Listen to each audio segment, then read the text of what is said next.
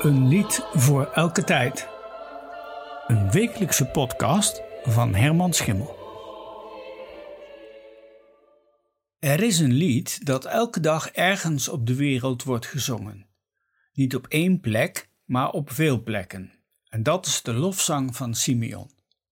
Na de geboorte van Jezus gaan Jozef en Maria naar de tempel om daar te offeren. Dan ontmoeten ze daar de oude Simeon. Hem was door de Heilige Geest gezegd dat hij niet zou sterven voordat hij de Messias had gezien. En toen hij Jezus zag, sprak hij de woorden: Nu laat gij, Heer, uw dienaar in vrede heen gaan. In de dagelijkse getijdengebeden in de katholieke kerk wordt deze lofzang gezongen en ook in de Anglikaanse evensong klinkt dagelijks de lofzang van Maria, het Magnificat, en de lofzang van Simeon, het Nunc Dimittis. Ik nam eens deel aan een masterclass koordirectie in Engeland en we werkten aan de voorbereiding van zo'n evensong. Toen een van de medecursisten aan mij vroeg: welke Mac en Nunk doen we nu eigenlijk?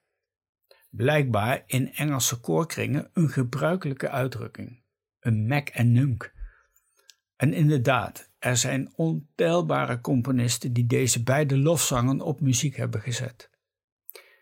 Ik koos nu voor de uitvoering van het Nunc Dimittis van George Dyson. Het is een uitvoering die regelmatig in een van de Engelse kathedralen klinkt en het wordt hier gezongen door de jongens van Litchfield Cathedral.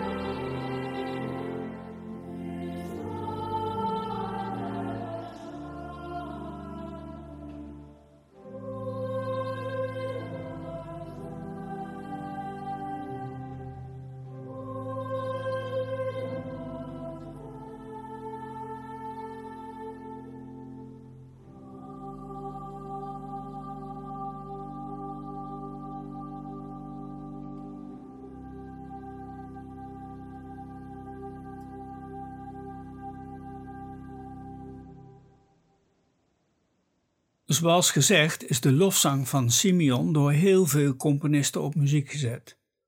Luther schreef er een koraal op en Bach verwerkte dat weer in zijn kantaten Mit Fried und Freud ich fahre dahin. En zo kun je nog heel veel componisten noemen die deze tekst op muziek hebben gezet. Zelf ben ik erg gehecht geraakt aan de compositie van Felix Mendelssohn.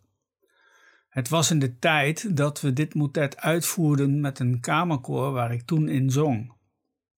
In die periode overleed onverwachts mijn vader en in die dagen rondom die gebeurtenis heb ik denk ik een opname van dit motet grijs gedraaid. Ik putte er toen veel troost uit. En dat is misschien wel de reden dat deze lofzang van Simeon ook wel bij uitvaarten wordt gezongen of gedraaid. Mendelssohn maakte dit motet samen met nog twee andere motetten, het Jubilate en het Magnificat. Hij kreeg van de Engelse uitgever Novello in 1832 de opdracht om deze motetten te schrijven. Mendelssohn had daar blijkbaar moeite mee, want de compositie werd pas 15 jaar later bij de uitgever geleverd. Mendelssohn heeft zelf nooit een uitvoering gehoord omdat hij in dat jaar stierf. En het werd ter nagedachtenis van hem nog wel uitgevoerd op 11 november van dat jaar in het Gewandhaus in Leipzig. Luister nu naar Herr, nun lassest du deinen Diener in Frieden varen van Felix Mendelssohn in een uitvoering van het Rias Kammerkoor onder leiding van Marcus Creed. En met deze compositie sluiten we deze aflevering af. Een fijn weekend nog.